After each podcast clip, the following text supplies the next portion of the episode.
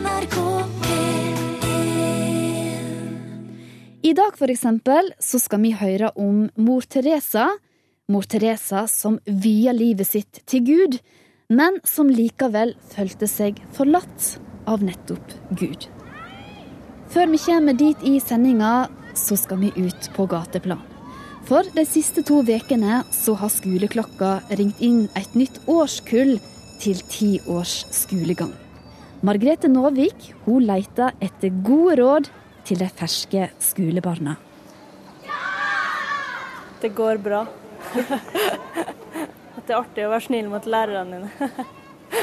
Jeg er utrolig glad for at jeg ikke har barn i verken barnehage eller skole lenger. For jeg syns at det var, kunne være ganske krevende til tider. Og veldig mye fastlåste regler som jeg ja, sikkert oppvigleren i meg fremdeles gjør opprør mot. Du tenker på når du sjøl hadde unger i skolen? Ja. Jeg syns det var ganske krevende, egentlig. Unnskyld, kan jeg spørre deg et sånt skolespørsmål? Eh, Jeg tenker på dem som begynte på skolen nå i førsteklassen, som skal gjennom 10, kanskje 13 år på skole. Hvis du fikk lov å gi dem en beskjed, noe som du ikke visste når du begynte på skolen, som du vet i dag, da? At det var lurt å gjøre lekser og følge med. Og skaffe seg en utdannelse. Det var lurt. Det gjorde ikke jeg, da. Nei. Så Da kunne jeg gått rundt med en mikrofon istedenfor å slite ræva av meg. Har du et du òg? Har du et råd til førsteklassinger? Det blir veldig likt det han sa, men eh, det er det å Ja. Men det er litt viktig med den eh, at de er holdt på å si tar vare på hverandre og er glad i hverandre og lager et fint miljø, da. Og da blir jo læringa sikkert eh, mer positiv, og, og da følger de sikkert mer med. Men det er vel den veien det går nå, er det ikke da? Det er i hvert fall det jeg hører og leser. Dere jobber altså med å flytte på store ting her nå. Ja. Men eh, det skulle gjerne ha vært noe annet, er det dere sier? Nei, eh, vi trives, i hvert fall jeg trives veldig med det jeg gjør, da. Men eh, Du skulle ha blitt rik. Du skulle ha blitt rik sånn som alle andre blir i dag. De som er journalister og høyere utdannelse. Husker du din første skoledag? Ja, Ja? Hva veldig godt. Jeg var så opptatt av at jeg skulle ha småsko på meg, vet du. Og så fant jeg ikke Jeg skulle ha hvite knestrømper på meg. Men så fant vi bare halssokkene. Så det var veldig traumatisk. Det husker jeg fremdeles, ja. Nå er det jo mange som har begynt akkurat nå Ja. på skole. Hva, hva vil du si til dem som du kan tenke deg at de eh, har godt av å høre da, nå når de starter? Når de begynner i første klassen. eh, lag gjerne litt bøll. Vær en litt oppvigler. Det er slett ikke farlig å være litt oppviglersk. Var du det sjøl, eller? Etter hvert, ja. I, ung- I ungdomsskolen, ja. Da var jeg litt oppviglersk. Jeg var veldig opptatt av urettferdighet, og jeg sa fra om ting. Og jeg var sikkert litt sånn plagsom, ja. Men jeg syns de var litt plagsomme, dem òg, så jeg syns det var helt greit å si fra.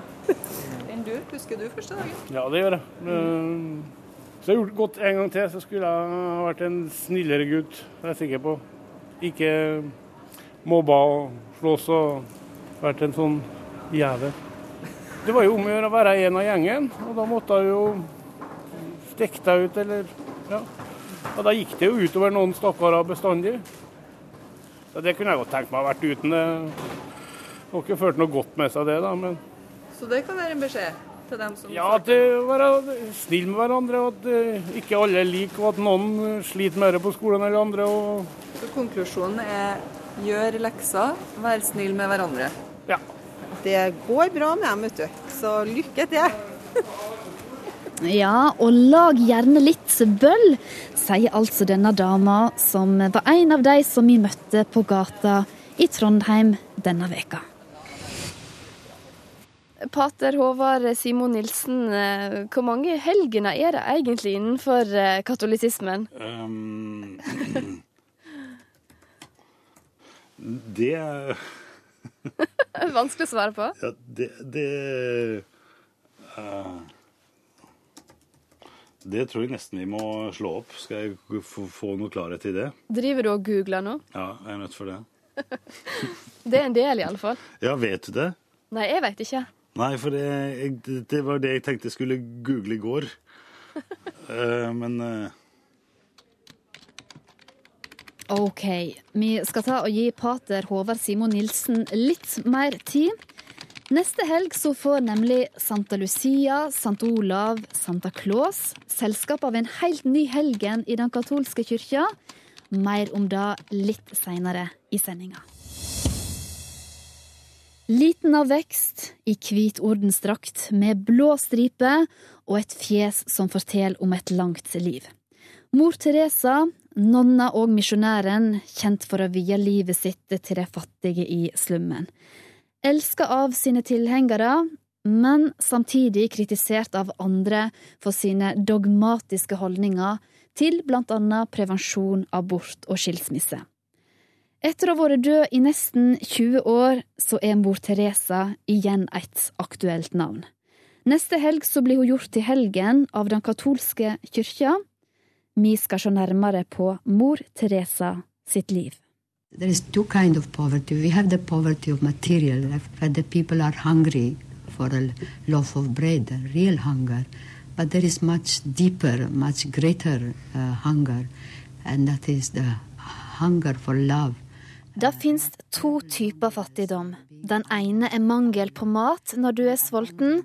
Den andre typen fattigdom er mangel på kjærleik i livet. Det sier mor Teresa til en irsk TV-kanal i 1974. Uh, and that terrible loneliness, uh, being unwanted, unloved, being abandoned by everybody. Vi kjenner jo mor Teresa med varmt smil, glitrende øyne, et nærvær og en varme. Men det er interessant at mor Teresa hun hadde også en annen side som ingen noensinne fikk innblikk i. Mor Teresa følte at hun levde i mørket, og at Gud var fullstendig fraværende i hennes liv. Temperaturen har stiget til over 30 grader.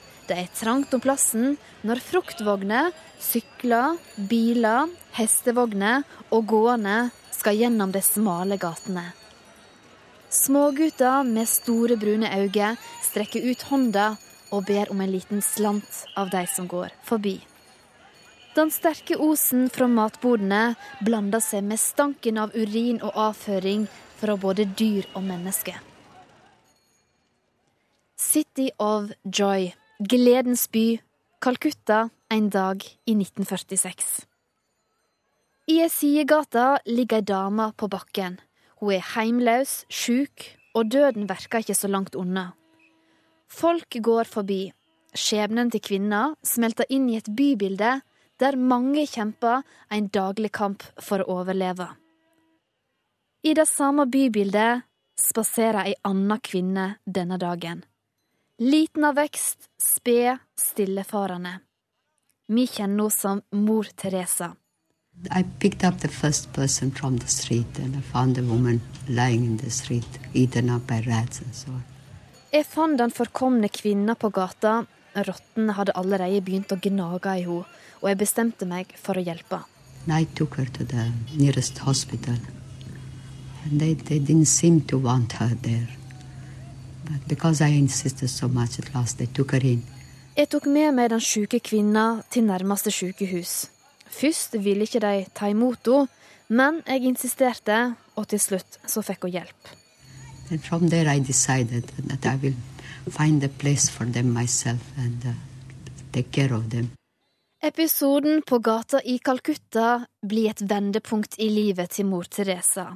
Hun sier at hun får et kall fra Gud om å strekke seg så langt hun kan for å hjelpe andre mennesker. I 1950 grunnlegger hun Missionaries of Charity, nestekjærleikens misjonærer. Ordenen skal etter hvert strekke seg langt over Calcuttas grense. Pater Håvard Simon Nilsen han kan en del om mor Teresa sitt liv og virke. Første hun gjorde, var å starte en, en eh, skole for hjemløse barn. Og hun starta også eh, hospice, altså eh, palliativ pleie for de døende. Og eh, hun starta også for eh, et, eh, et barnehjem. Så hun gikk aktivt ut i alle de områdene i livet der, der, der, der fattige, lidende mennesker har det aller vanskeligst. Innenfor sykdom, innenfor, innenfor å være oppgitt av samfunnet, overgitt til seg sjøl. Der var det hun tjente mest aktivt. Men hvem var egentlig mor Teresa? Hvordan var livet hennes før hun møtte den dødssyke kvinna på gata? Mor Teresa av Calcutta, eller Agnes Gonzo Boaju, som hun opprinnelig heter, er født 26. august 1910 i Skopje i dagens Makedonia. Hun vokste opp i en katolsk familie som den yngste av fem barn. Jeg tror hun kom fra enkle kår, men hadde i sitt eget djupe liv en sterk dragning mot å hjelpe de fattige. 18 år gammel forlet mor Teresa Skopje og slutta seg til den irske nonneordenen Lorent-søstrene. Hun reiste til India for å jobbe som lærer. Dette er livet til mor Teresa før hun grunnlegger Missionaries of Charity i 1950. Vocation is uh, belonging to Christ. And um, the work is only a means to put our love for Christ into action. Kallet til å hjelpe de fattige er et tilbakevendende tema i livet til mor Teresa. Hun forklarer at handlingene som hun gjør, er et uttrykk for kjærligheten hun har til Gud. I Guds tjeneste, men etter at mor Teresa er død, så kommer det fram ei anna og ukjent side ved denne nonna. Mor Teresa følte seg forlatt av Gud store deler av livet.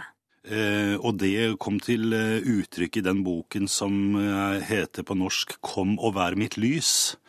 Eh, som ble skrevet av en jesuitt, og som er en sammenstilling av private brev som mor Teresa sjøl ville skulle bli brent eller ødelagt når hun døde. Og i de brevene så ligger det en annen virkelighet i mor Teresas liv som handler om tomhet, ensomhet, det mor Teresa sjøl kalte mørket. Mor Teresa følte at hun levde i mørket, og at Gud var fullstendig fraværende i hennes liv mens hun tjente alle disse fattige. Og over mange år så arbeida hun med dette spørsmålet sammen med sin skriftefar, og gradvis så blei tomheten og mørket identifisert som en eh, forening med Kristus, den lidende Kristus. Og i den lidende Kristus, i båndet til den lidende Kristus, så styrka hun også båndet til de lidende fattige. Sånn at mor Teresa hun levde et så å si et dobbeltliv, men med full solidaritet med eh, sin Herre og i full solidaritet med de hun tjente.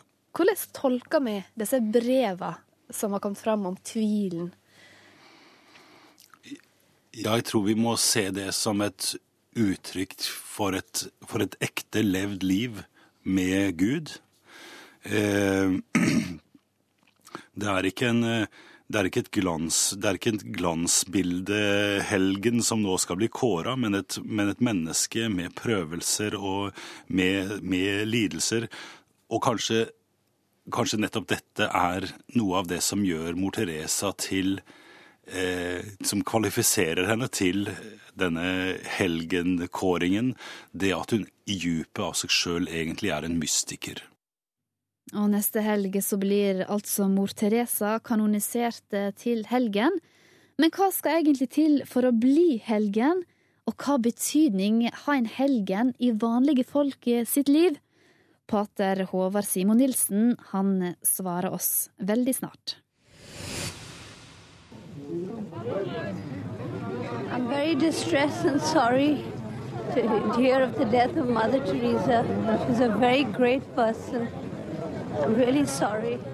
Jeg er veldig lei meg for at mor Teresa er død. Da sier en av mange tusen som møtte fram i gravferda til mor Teresa for snart 20 år siden. For etter at hun døde i 1997, så begynte prosessen med å gjøre mor Teresa til helgen for innsatsen som eh, hun gjorde for de fattige. En helgenkåring det er ikke en avgjørelse som kommer fra paven i Roma. En helgenkåring vokser ut av en folkelig bevegelse. Likevel så har den katolske kyrkja sine egne retningslinjer for eh, helgenkåringa.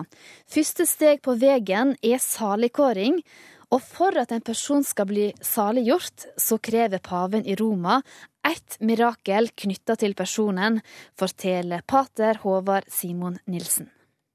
Og det mirakelet som var utslagsgivende for mor Teresa sin eh, saligkåring, det var, et, eh, det var, en helbredelse av en kvinne som hadde en eh, kreftsvulst som på forbønn av eh, Altså der hun ba til mor Teresa om hjelp, eh, om hennes forbønn overfor Gud, og eh, blei helbreda radikalt og brått, der kreftsvulsten forsvant plutselig.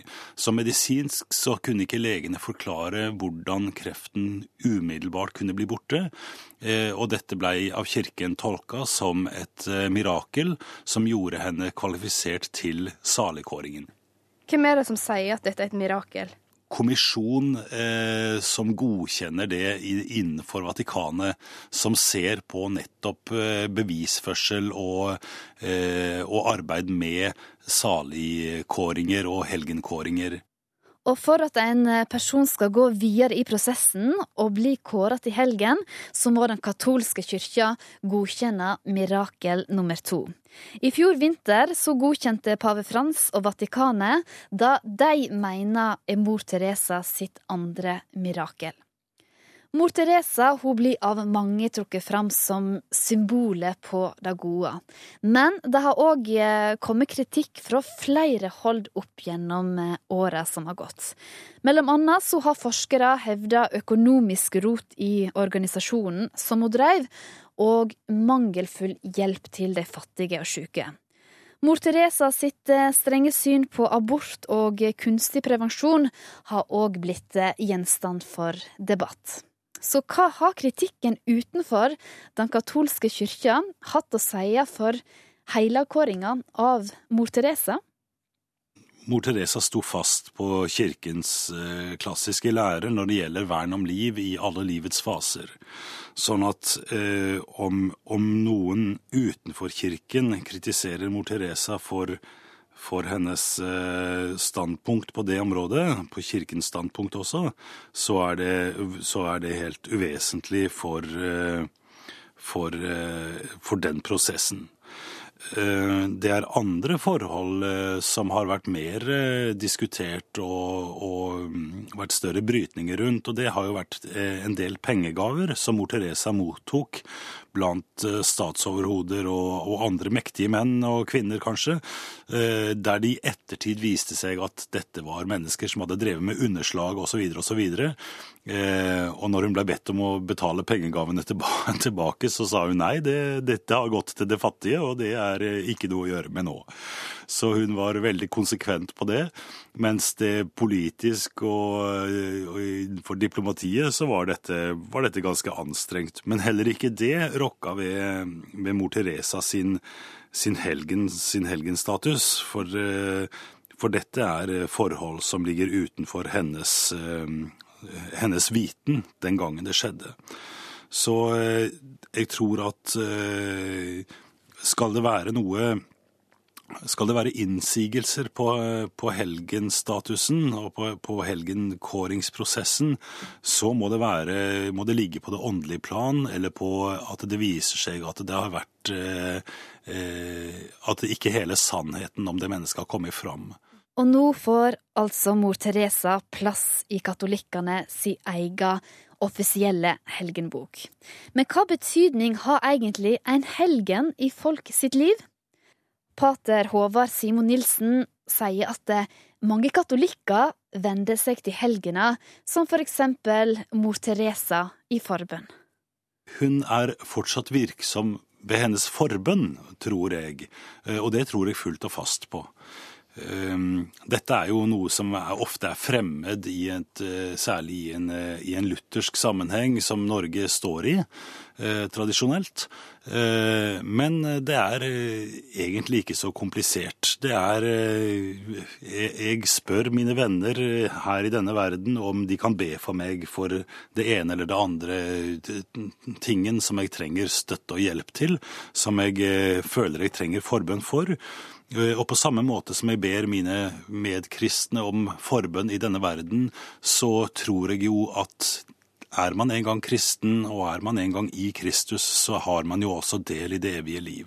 Og derfor så vender vi oss også i, eh, i den klassiske kristne tro til de avdøde, fordi de nettopp ikke er døde, men lever for Kristus, og på mystisk vis, får vi si, lytter til eh, våre stemmer, våre små stemmer her fra vår lille jord, og de er slett ikke likegyldige med de bønneropene som stiger opp fra vår klode, men de lytter til de, og de ber for oss overfor Kristus. Men hvorfor ikke bare be direkte til Kristus? Ja, dette er, dette er, den helt vanlige innsigelsen. Og det ene utelukker ikke det andre, får vi si der. Eh, selvfølgelig ber vi direkte til Kristus. Det, for enhver som har vært i en katolsk messe, så vil man høre at Jesus er, nevnes i, i fleng, for han er jo alltid nærværende og alltid vår, vår, vår, vår, kjerne, vår faste forankring for troen, for frelsen, sammen med Faderen og Den hellige ånd. Men vi er et fellesskap i Kristus der vi nettopp ber for hverandre, der vi nettopp har et, en felles åndelig eh, forankring og et åndelig fellesskap som vi står i. Og helgenene eh, og de avdøde, de står i det samme eh, fellesskapet. Og de som bekjenner troen. Jeg har jo f.eks. en bestemor, eller to bestemødre, som jeg er helt sikker på ber for meg i himmelen. Klart de gjør det. De var gudfryktige, vakre, gode mennesker med et stort hjerte. Og at de ikke skulle være, eh, bry seg om eh, lille Håvard her nede på kloden enda, nei, det, det gjør de jo selvfølgelig. Men så var det dette her med antallet helgener i den katolske kyrkja. Hvor mange er det egentlig mor Teresa kommer i selskap med neste helg? Har Google hjulpet pater Håvard Simon Nilsen til å komme fram til et eh, svar, tru? Det Vanskelig å svare på? Ja, det, det uh...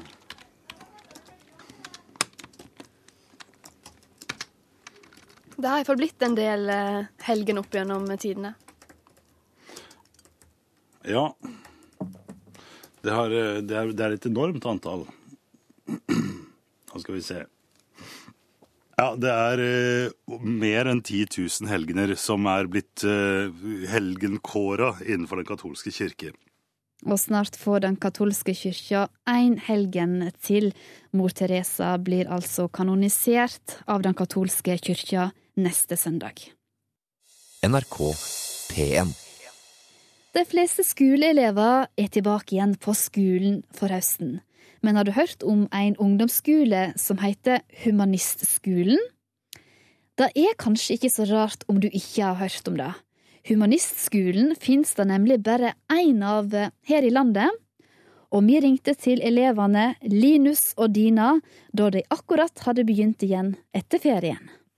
Jeg går på humanistskolen. Jeg går på humanistskolen. Det er en av de beste skolene jeg eh, har gått på. Selv om jeg bare har gått på to stykker, så føler jeg at denne her er mye bedre enn forrige. Fordi at vi får liksom jobbe, Vi jobber veldig bra her. Vi lærer mye om det med kritisk tenkning og at man må tenke selv og ikke være naiv og For eksempel, vi hadde Hvis det var en et barn som holdt på å drukne i elven, om vi skulle ta, gå ut i elven og prøve å redde Eller hva vi skulle gjøre med det, da. Alle startet med å svare ja, ja selvfølgelig går vi ut i elven. Um, men så la de liksom til flere og flere problemer ved det å gå ut i elven. Så det er liksom sånn Man må liksom tenke, da. Og tenke kritisk om hva man gjør. Og lærerne, de er veldig gode. Veldig spennende å gå på en nytt annerledes skole. Jeg ville sagt terningkast 5,99, liksom, hvis det er mulig, da. Ja, fornøyde elever, da får en vel si. Og forrige skoleår så var de de første for humanistskolen. Dette her det er en friskole som har 60 elever, og de holder til på Ullevål stadion i Oslo. Det er klart humanistskolen skiller seg fra ungdomsskoler flest når Vestre tribune på Ullevål stadion er et sted man har friminutt. Men det er ikke den viktigste forskjellen. Det har nok mer å si at humanistskolen ikke har lærebøker, f.eks. Den er heldigital. Og at fag som filosofi og dannelse står på timeplanen. Eller, de gjør jo egentlig ikke det. Vi har ikke en eh, fast timeplan. Eh, vi har jo fag og sånne ting hver dag, men vi har også en veldig fleksibel plan, sånn at det er ingen dag som, eh, som ser like ut. Hils på rektor Nina Fjellheim. Rektor eier skolen sammen med styreleder og daglig leder. Og på skolen hennes har elevene fleksitid. Så de kan komme mellom ti over halv ni og ti på ti. Og elevene har en mentor. Tre mentorer som har ansvar for 20 elever hver. De snakker med elevene et kvarter hver uke. Eh, det er jo en stor forskjell til det offentlige, hvor man har liksom gjerne en elevsamtale på 20 minutter i løpet av et halvår. Humanistskolen er gratis å gå på, og den er godkjent av staten og betalt av staten. Men tilbake til navnet. Humanistskolen. Hva ligger i det? Det er jo en eh, sekulær skole eh, hvor eh, vi har filosofi istedenfor KRLE. Så det er jo på en måte det, det, livssynsmessige i det. Så har vi et eget hovedområde i humanisme, naturlig nok, og humanetikk. Men så er det jo også humanistisk i litt bredere forstand, altså med fokus på dannelse, og at elevene skal kunne bryne seg på, på litt tyngre akademiske problemstillinger. Hovedmålet på humanistskolen er at elevene skal tenke selvstendig og stille gode spørsmål. Kritisk tenkning er en grunnleggende ferdighet i alle fag. Det vil si at vi eh, bruker mye tid på å få elevene til å eh, reflektere over det de lærer, eh, og til å stille spørsmålstegn ved det de skal lære. Eh, vi er opptatt av at ikke vi ikke skal bruke mye tid på å lære elevene ting de ikke har behov for, og ting de ikke ser eh, meningen i, og er veldig tydelige på at de skal utfordre oss litt på hvorfor skal vi lære dette, hvorfor skal vi ikke heller bruke tid på noe annet. Så elevene stilte jo spørsmål om vi hadde noe om grunnleggende kjemi, som hvorfor skal vi kunne, skal vi kunne dette? Ikke sant? Og det, det, tenker jeg er viktig at vi som lærere kan svare på. Og det svaret er ikke at det står i læreplanen, altså det må være noe sånn hva, hva skal de med det på en måte videre? Vi bruker jo f.eks. ikke lærebøker eh, hos oss. Da blir elevene mer opptatt av hvilke kilder er det de kan bruke, hva er det de kan stole på, hvor kan de finne informasjon de kan være ganske sikre på er korrekte, hvor er det de må være mer forsiktige med hva de bruker. Så jeg tenker det er en god måte å eh, utvikle deres kritiske sans på, da. Og så lar vi det jo møte mange forskjellige mennesker i ulike livssituasjoner, og, og reflektere over det etterpå. Så det kan jo være også gjennom eh, kunst, f.eks., eller, eh, eller gjennom bare å møte annerledeshet, da. Men lar dere dem møte religiøse mennesker også? Ja, ja, ja, selvfølgelig. Eh, og jeg tenker jo det viktigste med eh, å lære om religion ikke er nødvendigvis eh, å pugge hva de ulike religionene står for, men det å eh, se hva Hvorfor velger mennesker å gå inn i en religiøs organisasjon f.eks., og, og fokusere på det med fellesskap, opplevelser og sånne ting. Så elevene våre har jo både fått prøve seg på buddhistisk meditasjon, og de har vært med på et sånt norrønt blot, og, og oppleve hvordan det fungerer for de som er åsatruere.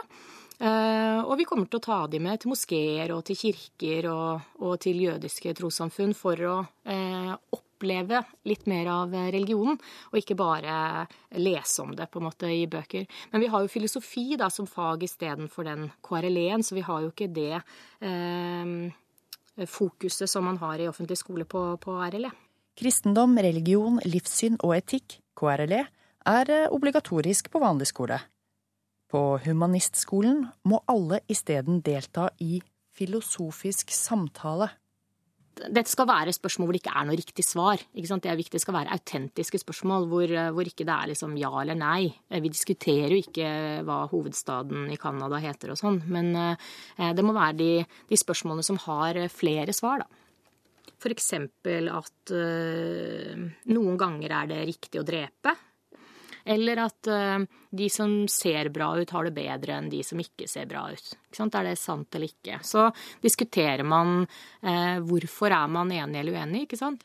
Ja, hvordan uh, ender en typisk eh, sånn bolk, da? Nei, Det ender med en metasamtale hvor vi snakker om samtalen. Eh, hvor var det vi begynte, hva var det som skjedde, hva var det vi var flinke til, hva var vi ikke så flinke til, eh, lyttet vi godt på de andre? Og det kan være at mange f.eks. bytter eh, standpunkt i løpet av eh, diskusjonen. Og hvorfor gjorde de det, og hva, hvor var liksom the breaking point, og hva var det som vippet over, og mm. Og dannelse er som sagt også eget skolefag.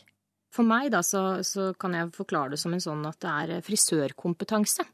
Eh, altså En frisør skal kunne snakke med hvem som helst om hva som helst eh, uten å framstå som en idiot. Og det er egentlig hovedmålet eh, med det. At man skal eh, kunne forstå hvordan verden fungerer. Hva, eh, hvorfor er det problematisk med eh, begrepet neger?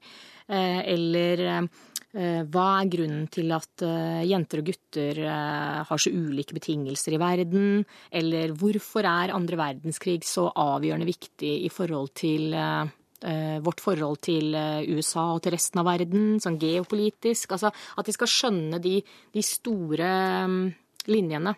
At de skal ha et perspektiv på verden som sammensatt og kompleks. og ha en respekt for det, da. Gjør man ikke det for dannelse i den offentlige skolen? Jo, det er jo målet for, jo målet for skolen. At man skal skape gode, dannede mennesker som er aktive samfunnsborgere. Men um, det er kanskje ikke det som man har, har, høyest oppe som fokus. Jeg ser at det ofte drukner litt i litt sånn fagsiloer. At lærerne jobber med sine fag, og så mangler på en måte den overbygningen da, som vi har vært opptatt av å skape hos oss. Bare ett kull om gangen går på humanistskolen. Nå i august har første kullet begynt i niende. Veldig mange snakker om som ungdomsskoleelever blir litt sånn der, de er litt støyende, de er litt høylytte. Det er liksom vanskelig å få tak på. Så når det kommer liksom en bøling av de inn på T-banen, så, så syns man liksom at det er for mye. Så jeg skjønner at folk liksom tenker å, at man orker å jobbe med de, men de er de beste barna. De er i den eh, mest eh, spennende fasen av livet sitt hvor de skal finne ut av hvem de er, og de skal prøve seg på ulike ting, og de skal lage litt opprør mot eh, mot oss voksne samtidig som de skal bli som oss. Og, og det er en veldig sånn gøyal tid å være sammen med dem på. Og vi tar med at eh, det var Ragnhild Sleirøyen som var reporter i dette innslaget.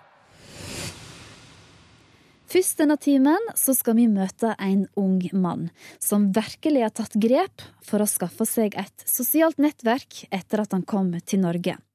Landet han kom til, det var ukjent, språket var ukjent, og han kjente absolutt ingen her. Internett 1. mars 2016. Hallo, alle sammen. Håper at alt er bra med dere. Jeg heter Mohammed. 19 år, fra Irak, men har bodd i Syria i ca. ni år. Jeg er en asylsøker som bor med familien min på et ødemottak i Setesdal, Sørlandet, som heter Bygland statlige mottak, for ca. 15 måneder. Har begynt å lære meg norsk fra august. Eh, nesten ingen folk. Et innlegg på den åpne Facebook-gruppa Soldiers of Are og Odin. Den som ble oppretta i februar som en eh, kontrast til borgervernsgruppa Soldiers of Odin, som ville patruljere norske gater. Har lyst til å bli lege, så vil jeg gjerne integrere meg med dere og bli kjent med folk her. Og så trenger jeg litt hjelp til å øve på språk. Hvis dere har lyst til å hjelpe meg, vær så snill, send meg PM. Sammen er vi sterkere. Hjertelig takk. Klem. Det er over 34 000 medlemmer i denne gruppa. Nesten 2000 trykker liker på innlegget til Mohammed. De deler og kommenterer. Velkommen til Norge, skriver de. Lykke til. Hjerter og smilefjes. Men blir det kontakt for 19-åringen i Bygland? Ah, det er veldig vanskelig tid der, fordi det er et ødemottak midt i skogen. Det er veldig isolert. Mohammed forteller at både moren og faren var leger i Irak. I 2006 ble moren skutt. Faren ble kidnappa, men han kom seg unna. De flykta til Syria, men i 2014 var de ikke værende der lenger heller. Mohammed sier de betalte noen, og ble frakta i trailer, båt og bil hit i november 2014. Vi fant oss i en park. Vi visste ikke hvor er vi. Da måtte vi spørre mennesker for å vite at vi er i Norge, Oslo. Snakket vi med politiet, og drar vi til eh, eh, mottak. Etter hvert blir de fire i familien altså plassert i Setesdal. Der er det bare sånn veldig fint natur. Da var det veldig vanskelig å integrere meg med samfunnet, eller bli kjent med de norske mennesker. De fleste der er, det, er de veldig deprimert, fordi de venter og venter og venter i veldig lang tid. Men de har internett. Mens han venter på norskkurs, ser Mohammed norske filmer og hører norsk musikk for å lære norsk selv. I mange timer. For eksempel Jeg skal døyve de sorg med min sang. Om ikke i dag, så en annen gang. og Verden sier fuck you, så smil tilbake det oppsynet der. og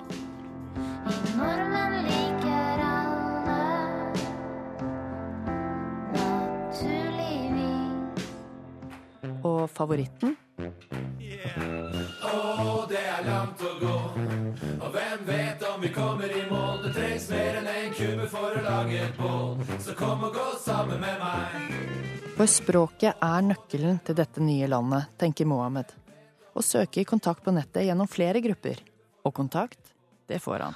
Og de la meg til på Facebook, og de begynte å bare skrive til meg om hvordan er Norge, om uh, samfunnet og kultur, og masse forskjellige ting. Den som var viktig for meg, er å snakke språket og øve på språket. Så det spiller ingen rolle om hvem, hvem de er. Enkelte har han møtt i virkeligheten, men noen skyper han. Å chatte med, de var mange, sånn ca. 300-400. Men å skype med, de var sånn ca. ti. De fleste var eldre enn meg. De var sånn fra 25 til eh, 80. Jeg ble veldig glad da jeg så hvor mange som har svart på Mohammeds innlegg her, og håper det kan føre til at han får flere venner og støttespillere her i landet. Skriver en av dem under Mohammeds innlegg. Selv har jeg, en barnløs enke på snart 77 år, hatt gleden av å chatte og skype med ham i snart fire måneder. Tulle Elster er en god venn. Jeg har spart alle chattene jeg har med ham, så det er en lang rekke, for vi har snakket nesten hver dag, i timevis ofte. Og særlig om natten. For eh, det er ikke lett å sove når man er så urolig. Når man venter på svar og venter og venter og ikke får informasjon om hva som skjer og hva som skal skje, ikke sant. Så er det veldig hyggelig for meg òg, for jeg bor alene. Jeg er enke og bor her med to hunder. og og jeg har mange venner og sånn, men det er veldig koselig å sitte og prate med folk. Lese eventyr og fortelle dem om Norge og Grunnloven og 17. mai og alt de spør om. Ikke bare i norsk grammatikk, altså, men å prate med folk. Beste med henne, at jeg føler at hun er sånn som min mor. Min egen mor. Føler sånn at hun, er veldig, hun har veldig mye kjærlighet som, uh, til meg. Da liker jeg henne veldig, veldig mye. Har du på nettet fått noen negativ respons? Ja, det finnes alltid noen negative mennesker og noen positive mennesker. Da var det noen mennesker som var negative og begynte å mobbe litt. Så det er veldig vanlig. Vet du, at sånn snille mennesker og slemme mennesker finnes i hele verden. Jeg bare blokk dem. En del måneder har gått siden innlegget vi hørte. Mohammed merker det på norsken Det er masse feil her. når han leser det gamle innlegget sitt. Ja, det er hallo alle sammen, det er riktig. Hopper Mens Mohammed ikke klarer å la være å rette sin egen melding, kan vi fortelle at familien flytta til Kristiansand i sommer. Og det var fantastisk, fordi her kan vi se mennesker. Det er veldig viktig å komme til byen fordi jeg skal på skole. Han vil jo bli lege, og han har kommet inn på privatgymnas. Men det koster penger. Igjen kan han takke en venn fra nettet. En dame der sponser hele drømmen. Oi! Ja. Eh, hvor bor hun? ja. Hun vil være sånn anonym, så jeg vil ikke snakke om det. Men vi kan snakke om Marit fra Trondheim. Uten at de har møttes, blir også Marit en spesiell kontaktperson. Hun har en veldig stor hjerte. Hun har hjulpet meg med ODI og søknader og sånne ting. Og Marit inviterte familien til Mohammed på sommerferie. Her er sånn greie at dere må prøve ting, ikke bare se, men prøve. På Vitensenteret i Trondheim handler det om korallrev for Mohammed al-Mashadani. Han er, som vi hørte i stad, 19 år, asylsøker og bor på mottak i Kristiansand. Da får vi briller. Snakker vi. Snakker vi. Mohammed søkte altså kontakt med nordmenn på nettet. Han fikk haugevis av chattevenner og enkelte spesielle gode hjelpere. Jeg heter Marit Svendsen. Hun inviterte Mohammed, faren og de to søstrene hans på ferie til Trondheim i fem dager. Det appellerte meg at Mohammed ville lære norsk og snakke med noen nordmenn. Og jeg syns det er veldig mye negativt i media, på fjernsyn, aviser om flyktningkrisa, om muslimer. Så min filosofi er jeg kan ikke hjelpe alle, men jeg kan kanskje hjelpe én. Og Marit viser Trondheim på sitt beste. Nidarosdomen, konsert, folkeliv. Vi har vært på den utsikten som er oppe på fjellet, som vi kan se hele Trondheim. Det var ubeskrivelig der. Når du bare sånn er oppe og du ser hele Trondheim. I går var familien hjemme til oss på middag på hjortekarbonader. Ja, det var litt spennende. Jo, men det var deilig. Men det viktigste er nok omvisningen på St. Olavs hospital som Marit har fått i stand. det var spennende Det, Det er jo drømmen til Mohammed det, å bli lege. Vi har vært i mange avdelinger, og vi har sett de to som fikk Nobelpris. Moser og moser. Moser og Moser. Men altså, én ting er å chatte med noen på nettet snakke litt i telefonen, men å invitere ukjente på femdagerstur?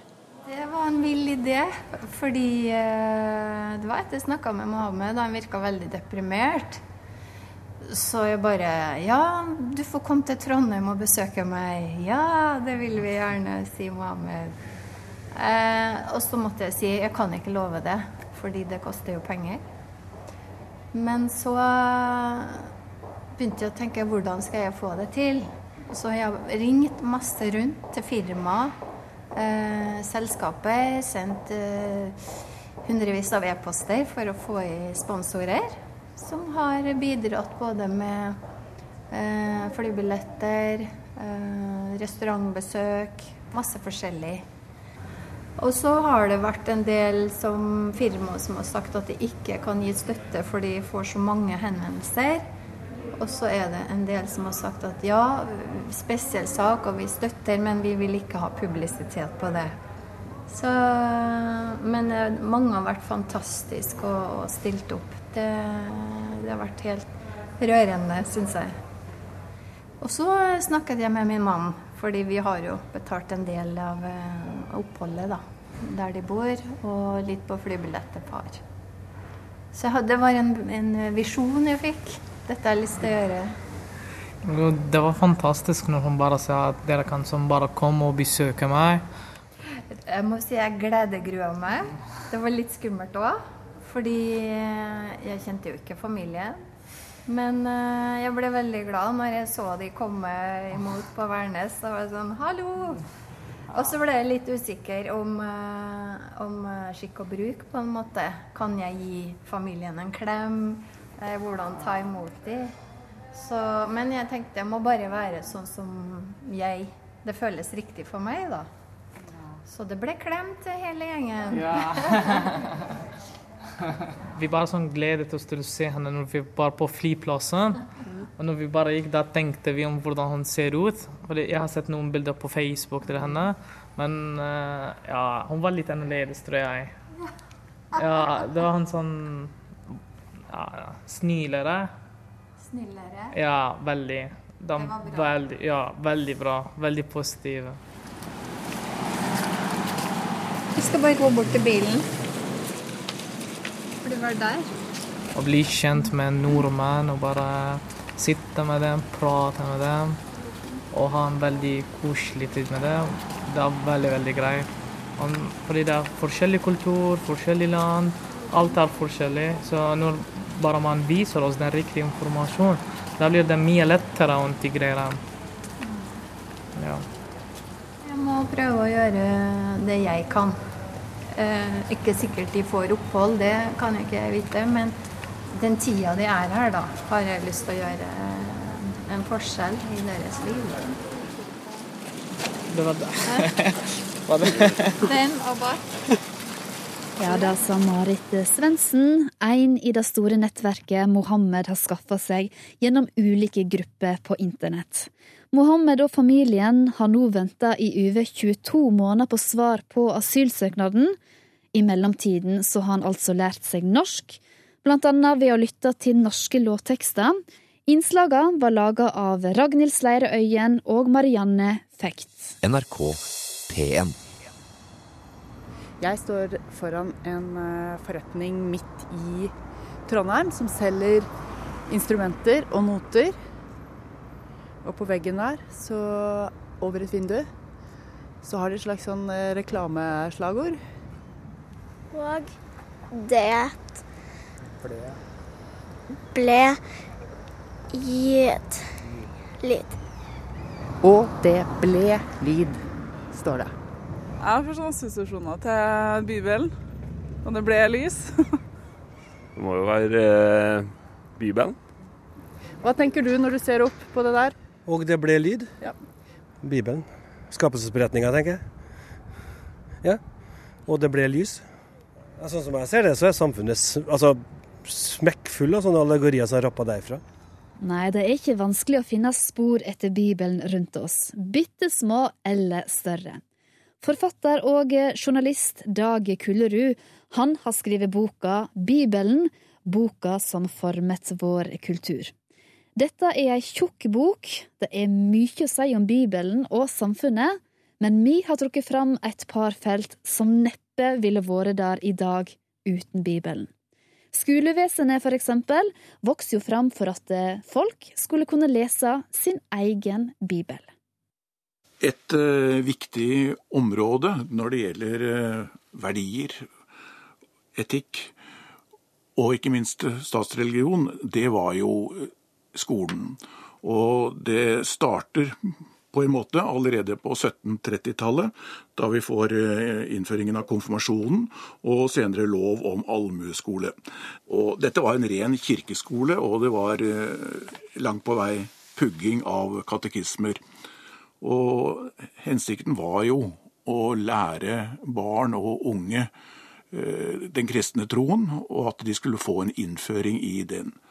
Men for at eh, barn og unge selv også kunne lese i de bibelske tekstene, lese salmer, huspostiller og katekismer, så måtte de lære å lese og skrive.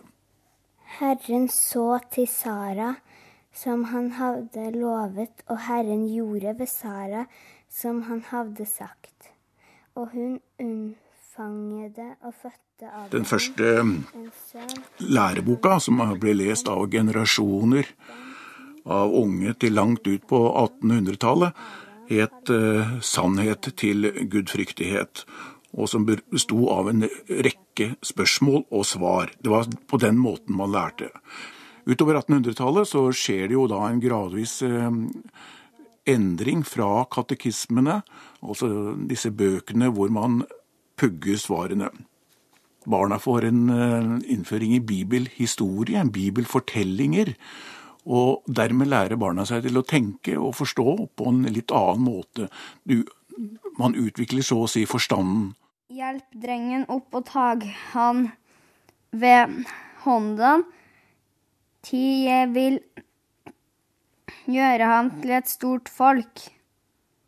Og med bibelhistorie så utvikles også historiefag, og vi får etter hvert også andre måter å nærme seg dette materialet på, noe som bidrar til også å påskynde de andre fagene i skolen, som kommer da utover 1800-tallet.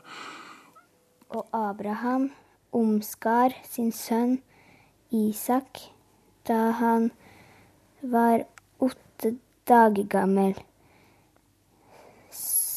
Således som Gud hadde pålagt ham. Fortsatt opprettholdes eh, det sterke kirkelige og kristelige og bibelske preget i skolen, men det kommer andre fag til. Og mot slutten av 1800-tallet så oppstår det jo stor strid om kristendomsfaget. En av dem som kjemper for endringer her, er jo Bjørnstjerne Bjørnson.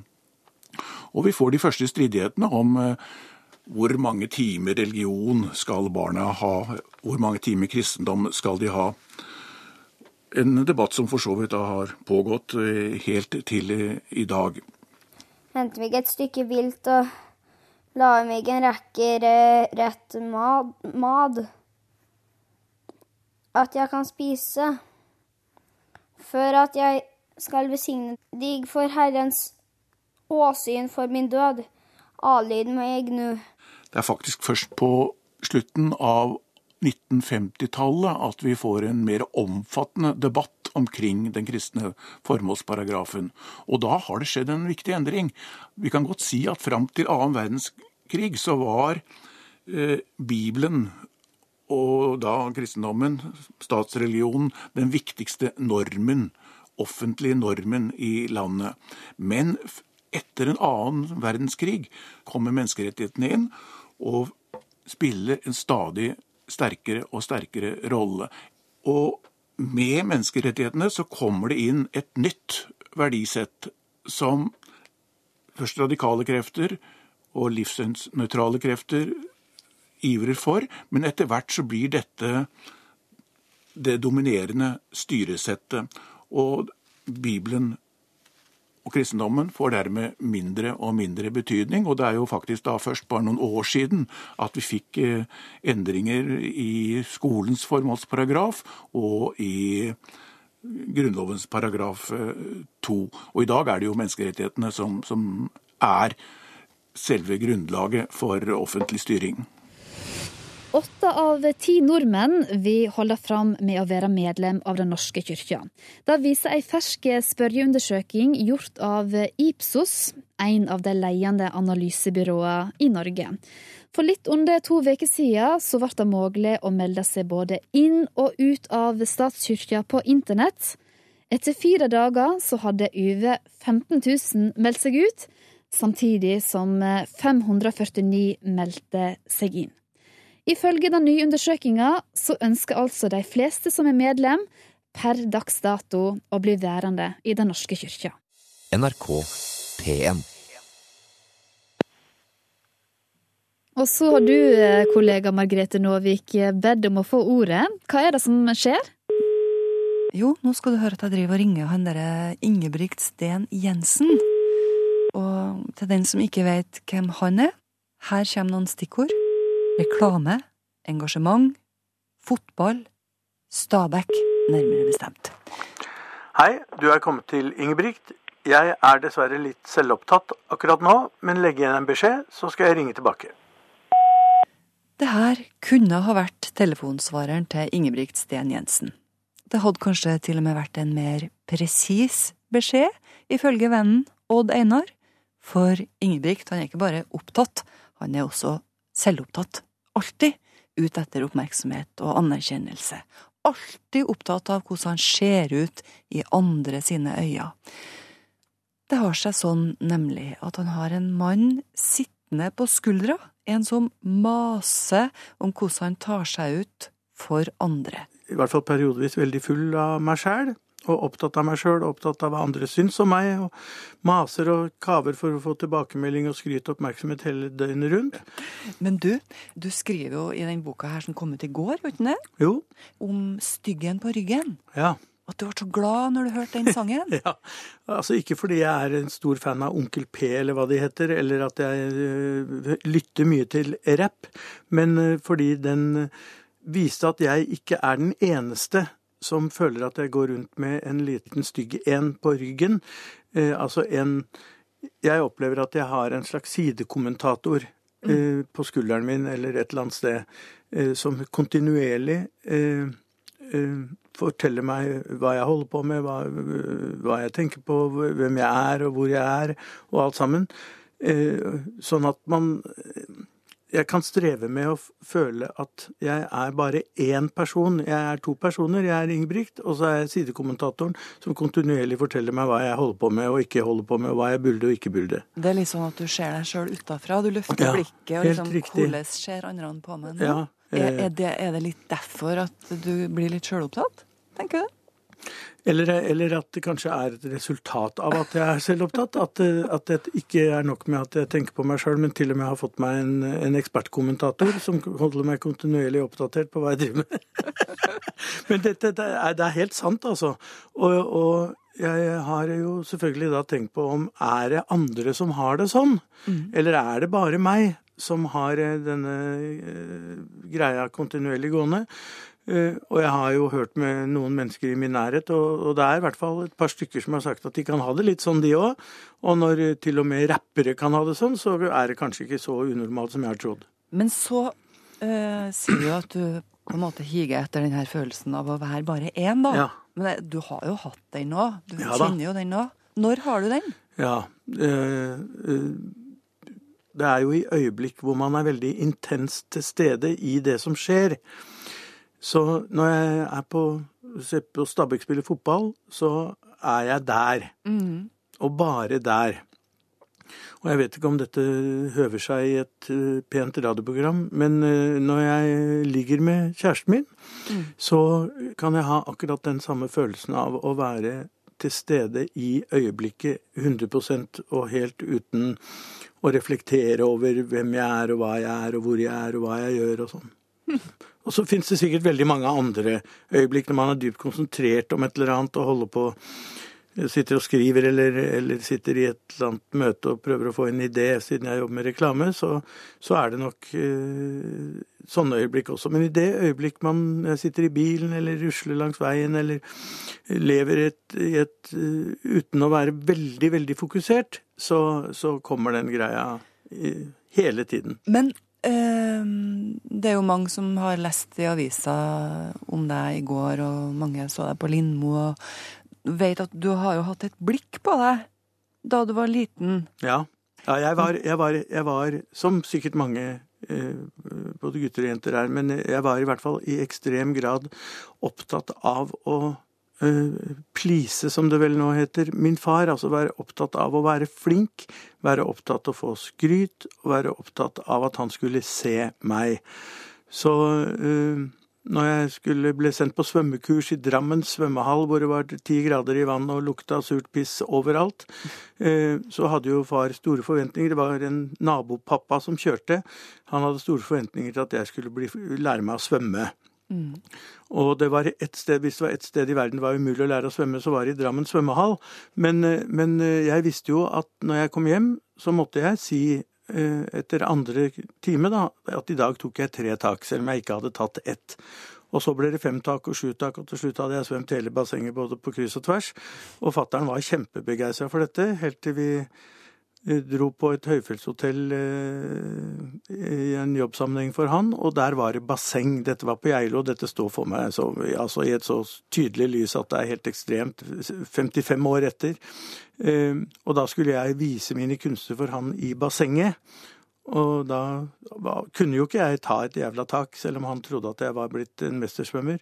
Så jeg har, tok den gamle med å ta et bein i bassenggulvet mens jeg lot som jeg svømte fremover. Og det var jo en ydmykelse og et raseri fra hans side, for, litt fordi jeg hadde jugd, men mest fordi at jeg ikke kunne svømme.